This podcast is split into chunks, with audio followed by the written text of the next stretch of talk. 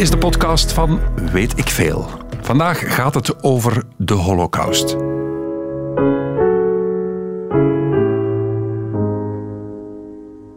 Radio 1. Weet ik veel met Kopen Ilse.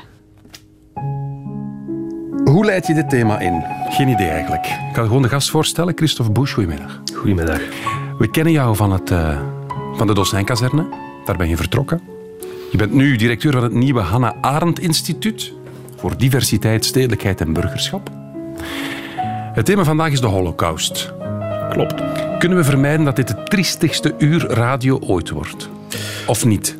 Ik denk dat we ons best daarvoor kunnen doen om het een leerrijk eh, moment te maken. Dat het niet vrolijk zal worden, maar het hoeft ook niet altijd super triestig te zijn. Hè. Er is veel leerpotentieel in de geschiedenis naar de toekomst toe. Snap ik. Mag ik de vraag stellen? Christophe Busch klinkt heel Joods. Uh, ja, er zijn zeker een aantal Joodse mensen die, die Bush noemen. Er zijn ook een aantal Duitse generaals die België binnengevallen zijn, die ook Bush noemen. Is het waar? Maar ik heb zelf geen, uh, geen enkele connectie met zowel de uh, slachtoffer, dader of omstaanderkant. Dus op dat vlak okay. heb ik zelf eerder een academisch perspectief op die situatie. Ja, ja, want ik, ik, vroeg, ik, ik, vroeg, ik vroeg het mij af. Ik dacht, ja, als het iemand met Joodse roots is, kan je daar dan een normaal gesprek over de Holocaust mee voeren met een Jood? Normaal zeker. Um, ik denk zelfs ook natuurlijk dat het heel leerrijk is, omdat als ik nu mag verwijzen naar uh, de kinderen van de Holocaust-reeks die er mm -hmm. gemaakt is op Canvas, uh, dan zie je dat dat allemaal getuigen zijn, oftewel eerste generatie of tweede generatie, die een, een perspectief, ook een waarnemingspositie hebben die heel anders is dan de academicus, maar die wel heel leerrijk is om okay. toch ook niet volledig te verstaan, maar gedeeltelijk te begrijpen uh, wat die gigantisch tragedische geschiedenis moet geweest zijn. 50, nee, 51 minuten over de Holocaust. Radio 1. Weet ik veel? Meneer Bush. Ja. In Weet ik veel geef ik jingles met klankfragmenten. Die zijn normaal van het komische type. Kan dat? Uh, humor is een belangrijk onderdeel om zeker ook met, uh, met heel traumatische ervaringen om te gaan. Uh, maar je hebt natuurlijk heel gepaste en minder gepaste humor. Maar ik denk dat je dat niet kan wegfilteren sowieso. Dus het mag, hè? Absoluut. Hou je vast. De jeugd van nu, die, die, die hebben helemaal geen idee wat er tijdens de Tweede Wereldoorlog, tijdens de Tweede Wereldoorlog allemaal, allemaal gebeurd is, man. Die hebben, die hebben geen idee. Weet ik veel. Ik, ik vroeg het aan het ventje van 16. Met zijn telefoontje, die Thomas. Ik, ik vroeg aan hem, weet jij wat de voornaam van Hitler was? Hel, dacht hij.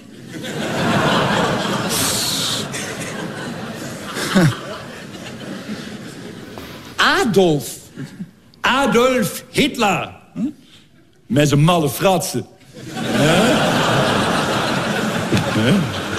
Ja, dat was ook een apart hoor. De man van 6 miljoen. Ik zie een glimlach. Theo Maassen hoorde je. Kan dat, de man van 6 miljoen? Uh, ja, om, omdat ik zelf persoonlijk uh, vind, en natuurlijk mijn waarnemingspositie is niet komende vanuit de slachtofferfamilie, uh, ja. uh, dat humor ja, eigenlijk een heel belangrijk communicatiekanaal is. Um, je ziet bijvoorbeeld dat eigenlijk gelijk heeft Theo Maassen, dat er heel weinig kennis ook is bij de jeugd. En hij kaart dat aan en ik ben ervan overtuigd dat veel meer jongeren zowel naar Theo Maassen zijn shows zullen kijken dan naar een holocaustdocumentaire.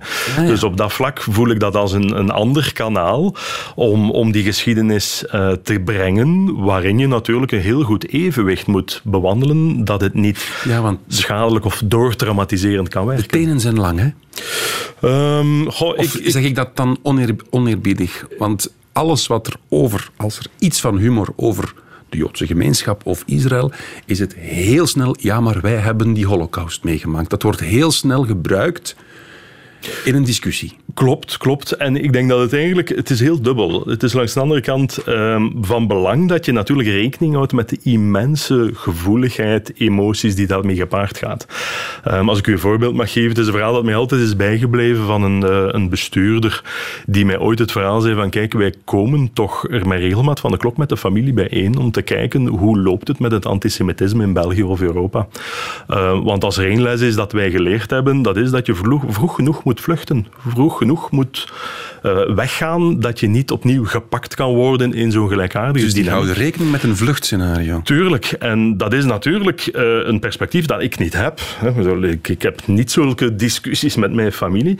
En dat is eigenlijk ook heel verstaanbaar. Want als je de familiealbums opent van die familieleden, ja, de helft van de familie is er niet meer. Hè. En is heel recentelijk, hè, één, twee generaties terug, eh, brutaal industrieel vermoord geweest. Dus het is ook heel logisch dat dat een van de meest emotioneel intense geschiedenissen is waar je rekening mee moet houden. Hè. Mij viel inderdaad op, ehm, ik ken heel veel van die geschiedenis natuurlijk waarin je allerlei historische feiten hebt, maar als je een getuige hebt die dus afkomstig is uit die periode en die getuigt zijn ervaringen wat dat betekent, hè.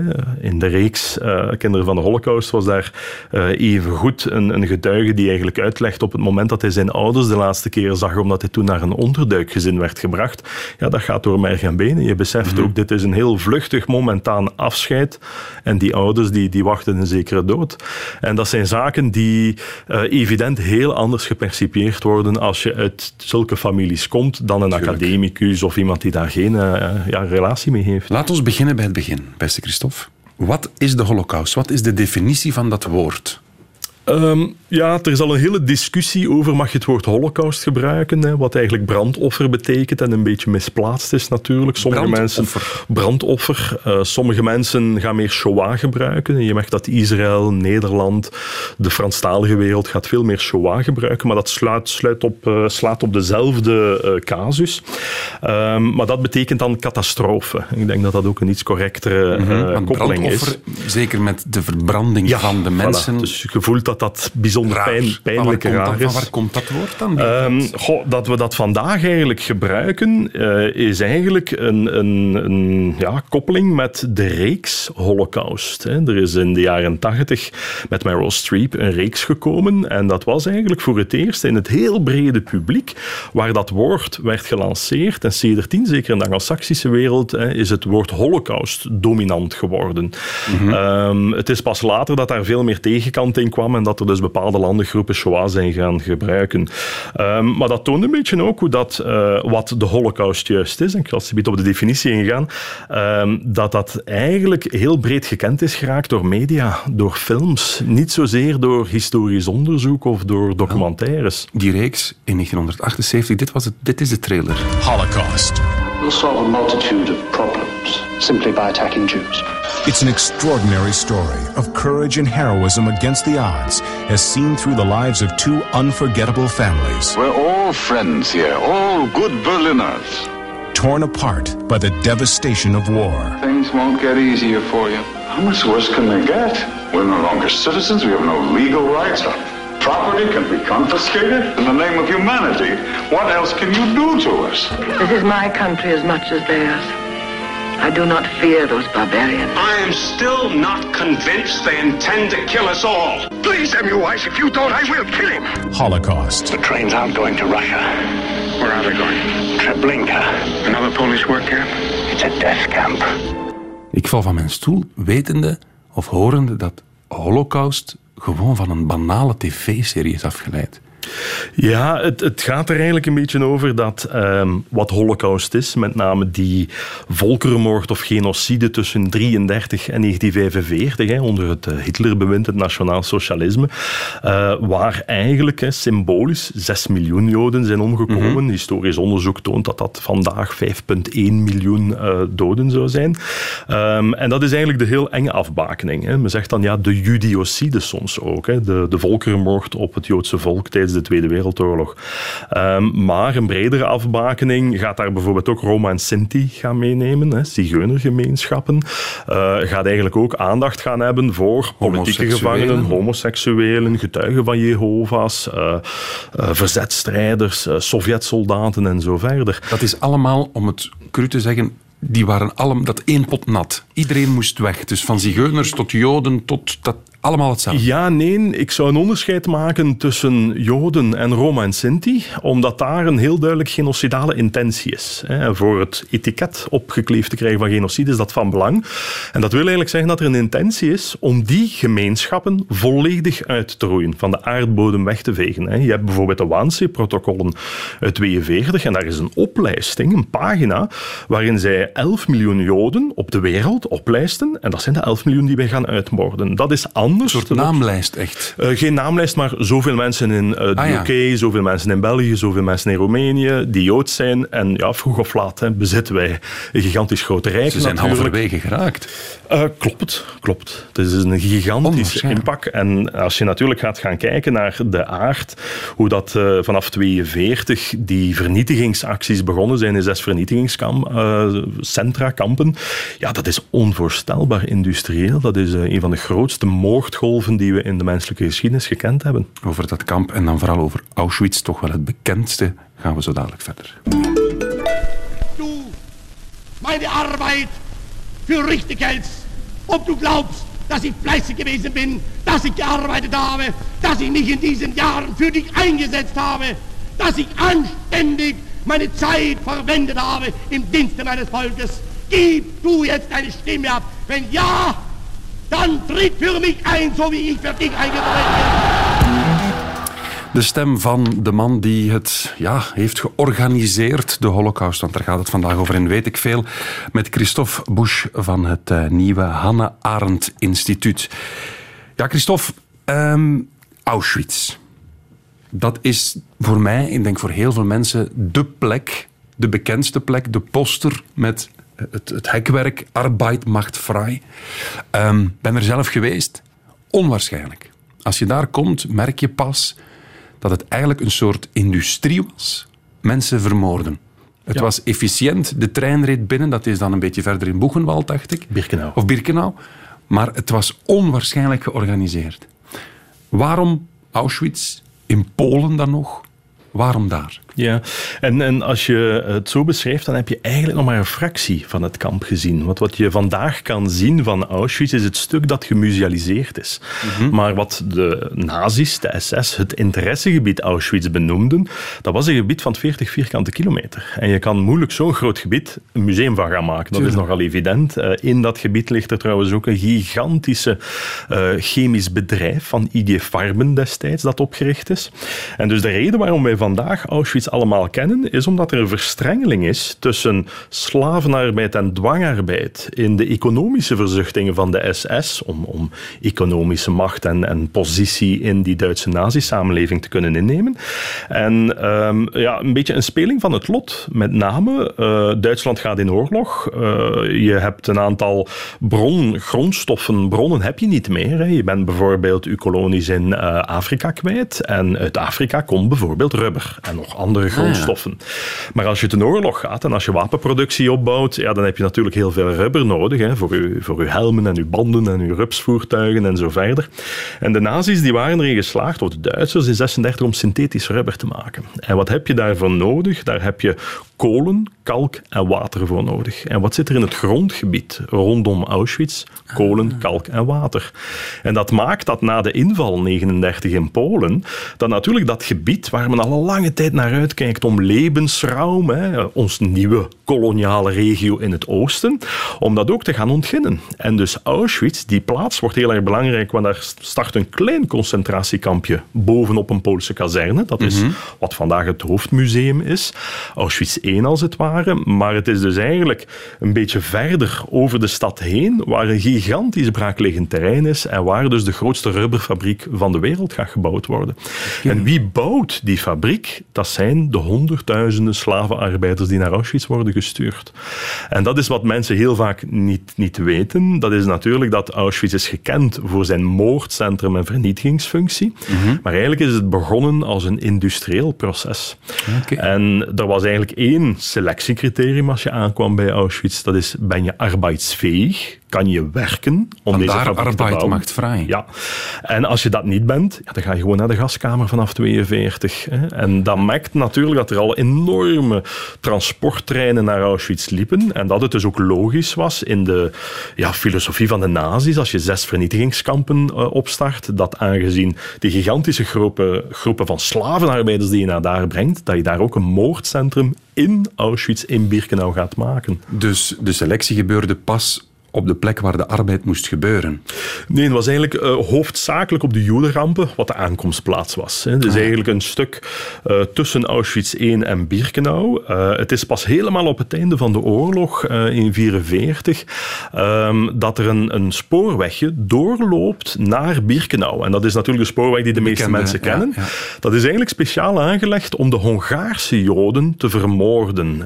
Omdat die Hongaarse Joden heel lang in land hebben kunnen blijven. En dan op het einde, onder meer door toedoen van Eichmann, zijn die Joden naar Auschwitz gestuurd. En waarom hebben ze dat dan gedaan? Om het eigenlijk efficiënter te maken. Ehm, met name, er zijn meer dan 430.000 Joden naar daar gestuurd. Er zijn 320.000 Joden vermoord bij aankomst op acht weken tijd. En dat is de grootste vernietigingsgolf in, in niet alleen die holocaustperiode, maar ook in Auschwitz natuurlijk. Dus die, die, die, die echte gruwel heeft, heeft maar twee maanden geduurd. Nee, of- die begint eigenlijk vanaf 42. Hè. Dus ook als je gaat gaan kijken vanaf zomer 42, hè, ook vanuit België starten dan eigenlijk de deportaties. Maar dan ga je gaan zien natuurlijk dat dan, dat zijn de eerste fases. Hè. Dus overal het bezet Europa, Duitsland eh, en zeker ook Polen. Daar worden de Joden naar vernietigingskampen gestuurd. Eh, soms rechtstreeks, soms eerst via ghetto's. En eigenlijk de laatste grote actie, dat is die Hongaarse actie hè, op het einde van de oorlog. Wat een beetje waanzin is, omdat je ja, een stuk ook al hoort op die eindfase. Je hoort eh, de kanonnen van het Rode Leger die aan het naderen is. Hè. En toch nog even... Toch gaat men daar. En dat is die genocidale intentie. Het doel is dat volk te verwijderen van de aardbodem. Is de rubberfabriek ooit afgeraakt? Nee, nee, dat is eh, het, het eh, absurde. De rubberfa- rubberfabriek heeft nooit één kilogram rubber opgeleverd. Men heeft daar dus eigenlijk vanaf ja, grotendeels 41 hè, tot, tot diep in 44 die fabriek uitgebouwd. Eh, het is wel zo dat na de oorlog hebben de Russen bepaalde installaties uit die fabriek gehaald, dieper naar de Sovjet-Unie gebracht. En dan drie, vier jaar later hebben ze die teruggebracht.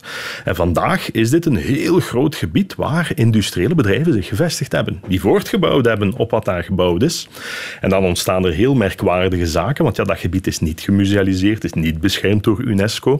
En dus bijvoorbeeld, ik denk dat het in 2006 was, hè, je hebt de toren, we noemen dat de Babeltoren. Waarom? Omdat Primo Levi schrijft in zijn boek Is dit een mens over die toren?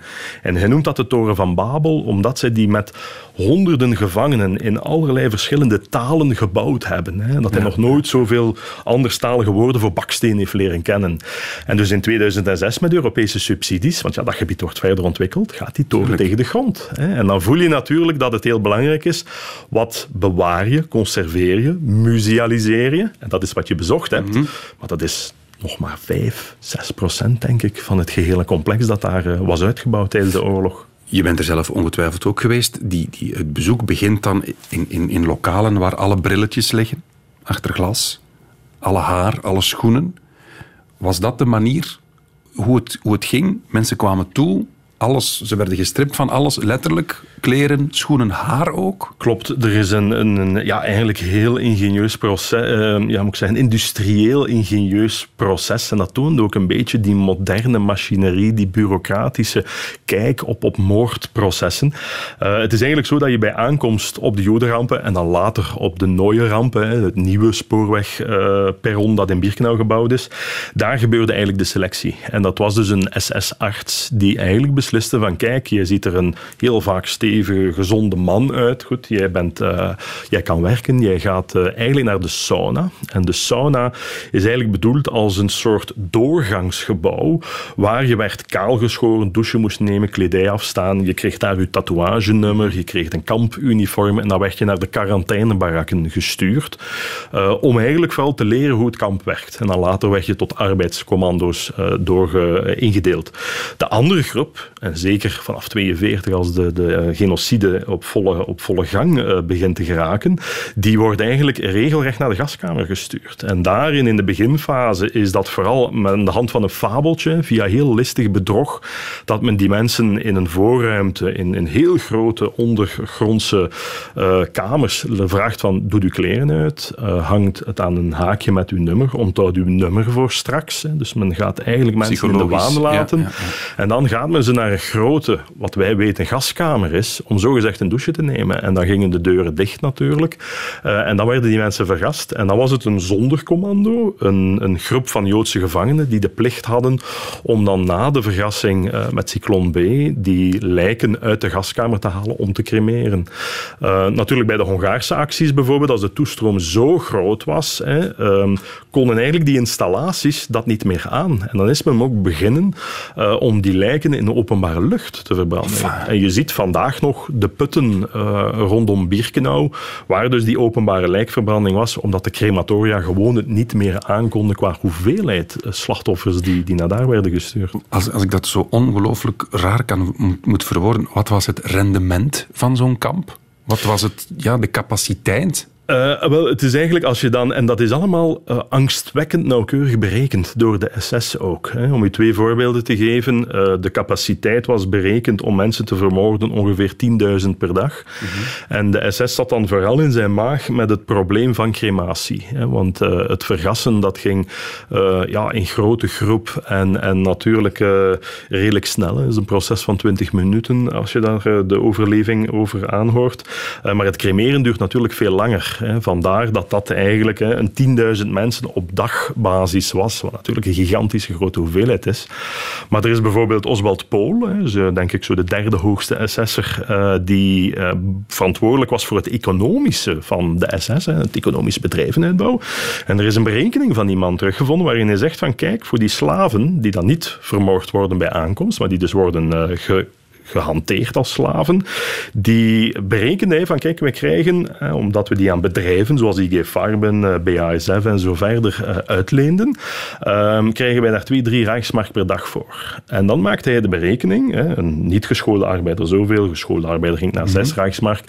Um, een gemiddelde levensduur van zo'n gevangene is 9 maanden. En dan berekent hij dus 9 maanden, zoveel dagen, maal zoveel Rijksmark, zoveel verdien ik of verdient de SS aan de gevangenen. En dat toont natuurlijk de heel kille logica en berekening waarin de mens gereduceerd is tot ofwel iets te vernietigen, ofwel een grondstof die eventjes meegaat. En dat toont de aard natuurlijk van, van wat daar zich heeft afgespeeld. Je zegt negen maanden.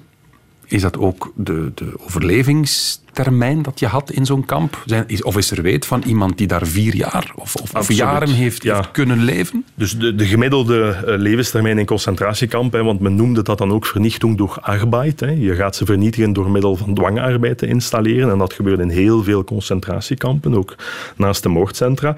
Um, en het is inderdaad zo dat, dat er onnoemelijk veel mensen gestorven zijn door terreur, geweld, uh, extreme uitbuiting, levensomstandigheden, ondervoeding en zo verder. Het is ook wel zo dat bepaalde mensen uh, het overleefd hebben en soms zelfs vier, vijf jaar of oh. zelfs nog langer in kampen gezeten hebben. En dat had dan ook te maken met uw positie. Ja, als je bijvoorbeeld een Poolse verzetstrijder was die Duits kon spreken, dan had je eigenlijk heel goede kaarten in hand om het te overleven. Hè? Want de rode driehoeken, de politieke gevangenen, stonden heel vaak van boven. Okay. De Joden stonden onderaan. Als homoseksueel had je bijzonder weinig kans om daar nog levend uit te komen. Hè? Want ook die, die gevangenenpopulatie hè, richt zich ook naar jou.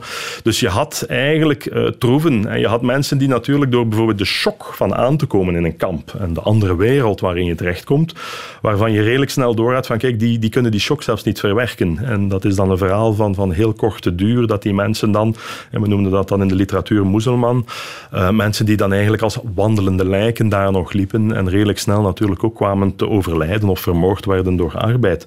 En dan had je mensen die, ja, moet ik eens zeggen, hè, fixers waren en eigenlijk ja, overlevingsstrategieën zochten. Ja, ja, ja. Uh, en dat zijn de mensen die dan heel vaak natuurlijk heel langere perioden daar doorgekomen zijn. Mhm. Mm -hmm. Weet ik veel?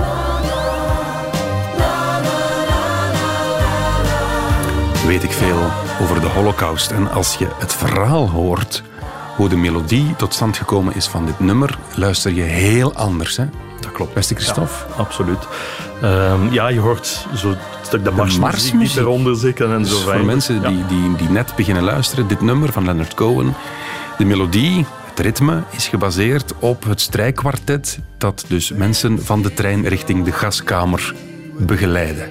Wat een vreselijk cynisch ding is natuurlijk. Absoluut, absoluut. En er zijn een aantal heel rare zaken ook. Hè. Bijvoorbeeld wat weinig mensen weten, dat is dat in Birkenau, daar was midden in dat kamp, hè, wat juist naast de, de barakken waar de zondercommando's leefden, dus juist naast de gaskamer, was een voetbalplein. Dat is vandaag, zie je dat niet meer, eh, maar op de kaarten zien we dat heel duidelijk. En er is ook overleving van getuigen die in Birkenau zaten, dat er dus op zondag een voetbalmatch werd gespeeld tussen SS en tussen leden van het zondercommando.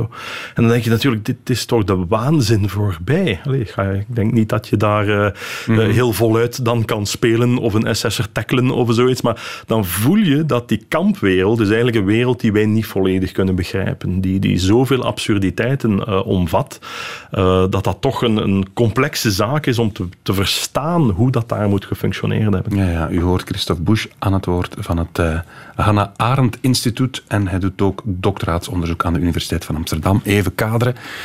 Ehm, dan vraag ik mij altijd af, beste Christophe, die... We denken altijd dat dat onmensen waren, de, de bewakers daar. Maar dat denk ik dan, dat waren ook mannen van onze leeftijd, of, of jonger, 20, 30, die moesten dat dan doen. Die lieten ook hun gezin achter. Waren dat Ja, allemaal nee. barbaren? Eh, ik denk dat je eigenlijk, eh, hoe dat ik dat heel vaak benoem, is dat dat eh, vaak, vaak mannen, vaak gewone mannen waren die buitengewoon kwaad pleegden. Dus het gedrag dat zij stellen is absoluut niet gewoon. hè. Nee, niet maar dat hoe, we alle dagen hoe een maak je van een huisvader een, een kampbewaarder die mensen naar, naar, naar de gaskamer leidt? wel, en dat is natuurlijk een beetje hoe ga je gewone mensen gaan beïnvloeden. En dat heeft natuurlijk alles te maken met eh, ja, een proces dat in 33 begint, of zelfs al een beetje ervoor. Hè, een indoctrinatieproces. Je mag niet vergeten dat natuurlijk hè, Auschwitz, dat is het eindpunt van een proces dat 12 jaar duurt. Dus als je natuurlijk geïndoctrineerd wordt en je wordt lid van de SS, omdat dat een heel dominante, succesvolle groep is. Hè. Je hebt de SA, wat een paramilitaire eenheid is, maar de elite-troepen, dat is de SS. Als je daartoe behoort en je komt uit een economische, heel politiek instabiele periode en plotseling dat land veert op, hè, gaat niet alleen concentratiekampen installeren, maar ook kampen voor wij. Kampen, arbeidskampen, sportkampen, Hitlerjugendkampen. Eh, en dat is eigenlijk hoe, hoe kamp als instrument werd ingezet in die periode. En dat is een beetje wat ik zelf ook ervaren heb. Ik heb jaar en dag in de jeugdbeweging gezeten. En ik weet wat dat, dat doet. Lid zijn van een groep die een uniform draagt, die op kamp gaat, die kameraderie centraal stelt, die een soort samenhorigheidsgevoel creëert. Wel, dat is natuurlijk sport en spel in een jeugdbeweging. Maar dat zijn dezelfde mechanismen die je natuurlijk heel kwaadaardig kan inzetten om een soort extreme polarisatie tussen wij en zij te gaan creëren. En wij, dat zijn de goeie die ook in kampen eh, vertoeven soms. Hè. En zij dat zijn de die, die we in de kampen steken om dat probleem op te lossen. Er is een onwaarschijnlijk theaterstuk. eh, als kind heb ik het gezien, De Golf. Ken je dat toevallig? Dat gaat over een experiment, echt gebeurd. Een leerkracht die in een klas eigenlijk het nazisme implementeert. En, en inderdaad, leerlingen voelen zich lid van de groep. Degenen die er niet bij horen, worden echt verstoten. Klopt, klopt. En dat zijn eigenlijk de mechanismen waar het over gaat. Dus als je de holocaust bekijkt, en, en we hebben vandaag een mond vol van radicalisering natuurlijk, maar die term die komt eigenlijk uit holocauststudies. Dat is een historicus, Hans Mommsen, die eigenlijk die, dat proces van twaalf jaar beschrijft als een proces van cumulatieve, voortschrijdende radicalisering. En daarin zie je hoe polarisatie, een extreme wij-zij-dynamiek, waarin wij het Arische, eh, ja, prachtige, zuivere volk zijn die een duizend jaar rijk moeten, moeten maken. En dan daartegenover staat de bedreiging. Het gevaarlijk volk, hè, dat een, niet alleen een raciale bedreiging, maar als een bedreiging voor onze rechtsstaat en voor onze welvaart is en zo verder. En dus die mechanismen, ja, die zie je niet alleen in het nationaal socialisme, maar dat zag je evengoed in de Gulagperiode, of dat zie je evengoed vandaag natuurlijk, zelfs in bepaalde contexten, tot extreme geweldsmechanismen of fenomenen leiden. Dus dat is eigenlijk heel universeel en we kunnen al redelijk goed beschrijven ook hoe groepsdynamiek en gehoorzaamheid en conformiteitsdruk, hoe dat, dat keuzes van mensen om een bepaald deelaspect eh, van die vernietigingsactie, om daar een rol in te spelen. Zou zoiets als de holocaust vandaag de dag nog kunnen gebeuren? denk je, binnen Europa? Ik, ik denk, als je zegt natuurlijk de holocaust, hè, uh, als je dat als een genocide benoemt, ja, tuurlijk. Um, je gaat gaan zien dat er... Uh... Denk je, dat, dat, denk je echt dat, dat mensen nog in staat zijn om... Absoluut. Ja. Omdat het binnen Europa, denk ik dan. Hè? Uh, ik denk zeker dat Europa daar niet van gevrijwaard is. Um, wat ik denk is dat uh, genocidale processen, die, die komen en gaan en die zijn heel contextafhankelijk. En waar ik mij vandaag zorgen over maak, is niet zozeer dat een gelijkaardige holocaust zich zal voltrekken, maar dat er wel zulke polarisatie- radicaliseringsfenomenen voor heel grootschalig geweld. En hoe zal het zich volgens mij voltrekken als je de geschiedenis bestudeert en je projecteert die naar de toekomst? Dan gaat dat in de richting van klimaatoorlogen gaan. Uh, Darfur is de eerste onrechtstreeks geïnduceerde klimaatoorlog die we gekend hebben, waar genocide zich voltrokken heeft uh, begin vorige eeuw, uh, begin deze eeuw. Um, maar als wij nu gaan kijken, vrees ik dat het leed niet in Europa, maar zich rondom de grenzen van Europa zal bevinden. En dat proces is volgens mij zelfs al begonnen. Als je kijkt naar bepaalde uh, vluchtelingenkampen hè, rond de Egeïsche Zee en zo verder. Kamp, voilà. dan zijn we er. Ja. Dan zie je weer dat het kamp is eigenlijk die ruimte waar het abnormale genormaliseerd wordt. Hè. En wij lossen het probleem, dat een heel complex probleem, een wicked problem is, zegt men dan, uh, van, van migratiedruk lossen wij op aan de hand van kampen die niet onder onze Europese rechtsregels uh, vallen. Sommige wel, sommige daarbuiten. Hè. Denk aan, aan, aan, aan Libië en, en zo verder, hè. Mm -hmm. of, of, Turkije bijvoorbeeld. Uh, dat is eigenlijk heel boeiend, omdat je merkt van, als je nu ziet hoe die processen evolueren, dan is het veel belangrijk om die beginfase heel goed te kennen en die te detecteren in uw context. Je moet niet wachten tot wanneer je een, een moordcentrum à la Auschwitz gaat hebben, dan ben je al veel te laat en is uw samenleving al helemaal afgeleid. Dus de, de echte leerpotentieel is van hoe start zo'n geweldscausatie, zo'n geweldsproces en waar moet je maken dat je echt tegenduwt als het uh, begint met polarisatie, radicalisering en zo verder. Je kan geen uitzending maken over de holocaust zonder de muziek van Schindler's List. Ik denk, dat is begin jaren 90, half jaren 90 is die film uitgekomen. Als ik het goed heb, is de tussen, uiteraard tussen aanhalingstekens, maar de populariteit om te praten over de holocaust, het begrip ben ik correct dat dat eigenlijk door die film ja. nog, nog veel groter is geworden? Ja, mede, absoluut. Uh, dus dit is begonnen Holocaust, uh, de serie met Meryl Streep. Ja, en toen was ik 78, één jaar. Ja. Maar in mijn jeugd was het Schindler's List. En hebben wij op, op school natuurlijk hè, gezamenlijk naar Schindler's List moeten kijken.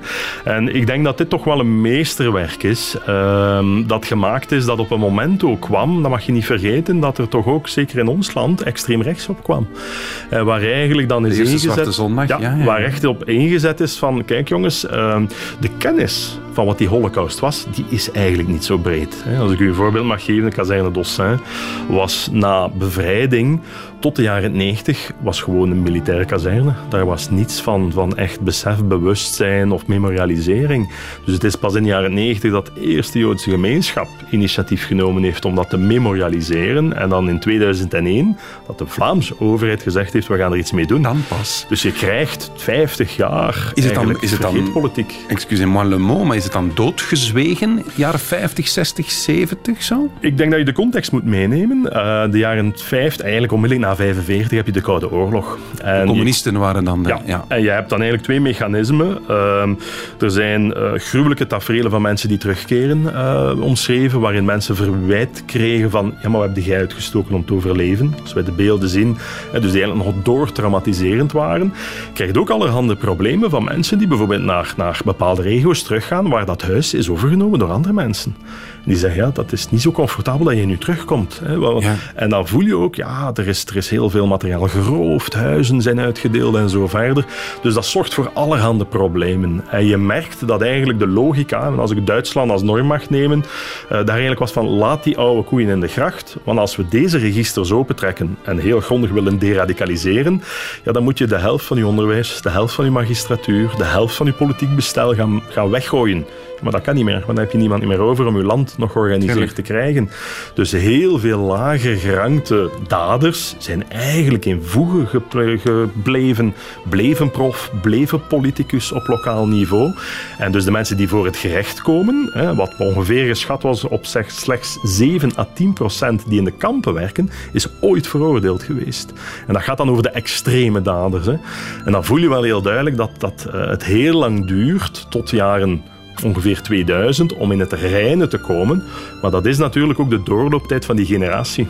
Die generatie is overleden. Ja, je hebt ja, de volgende generatie die de vraag stelt van wat hebben onze ouders en moeders gedaan in die Tweede Wereldoorlog? Mhm. En dan krijg je allerlei andere narratieven die naar boven komen. For tomorrow we may die.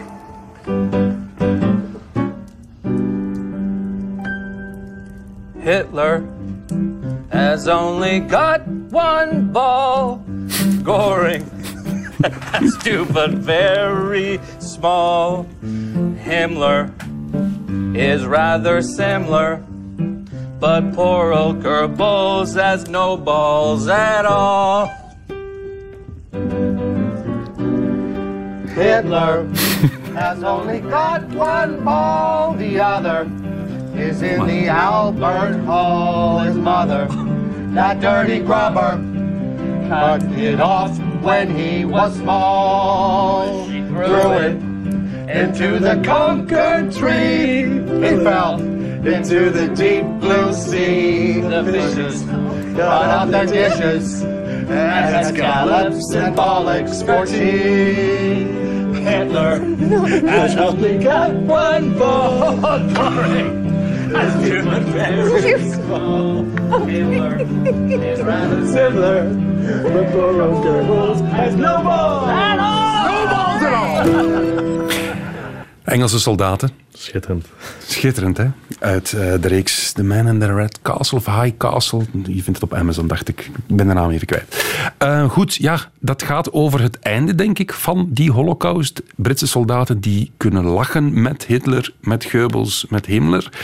Wanneer spreken we van het officiële einde van die holocaust? Wanneer stopt dat, stopt dat ook als de oorlog, als, als de, de, de geallieerden op de, op de kusten aankomen? Of, of Ja, waar klopt. zitten we ergens? Wel, je, je gaat eigenlijk een, een ongeveer een jaar lang een eh, soort stoppingsscenario hebben. Hè. Het eerste kamp dat bevrijd wordt is eh, juli 44, is Majdanek langs de Sovjetgrens. Eh, Russen die dat kamp bevrijden en dan naderen ze redelijk snel Auschwitz natuurlijk in die regio. Maar ondertussen langs het westelijk front is men natuurlijk na die day, hè, Frankrijk en dan België. En, en goed, als je in België bent, dan wordt de Dossin-kazerne en Breendonk bevrijd. En het zal dus ongeveer een jaar duren, hè, van juli 44 tot echt mei 45, dat al die kampen bevrijd worden. En we krijgen dus ook die taferelen bij soldaten. Hè, soldaten die, die bijvoorbeeld in, in Bergen-Belsen, redelijk op het einde van de oorlog dan, hè, natuurlijk dat kamp bevrijden en daar gewoon bergen lichamen vinden. Waarom? Omdat de nazi's ook eh, die buitenkampen eigenlijk op dodenmars heeft gezet naar de centrumkampen.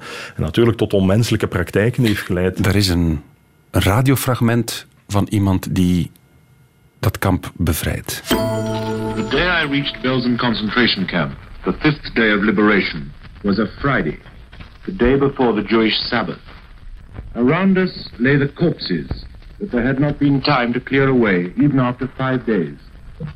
And people were still lying down and dying in broad daylight in front of our eyes. This was the background to this open air Jewish service. These people knew they were being recorded. They wanted the world to hear their voice. They made a tremendous effort, which quite exhausted them. Oh,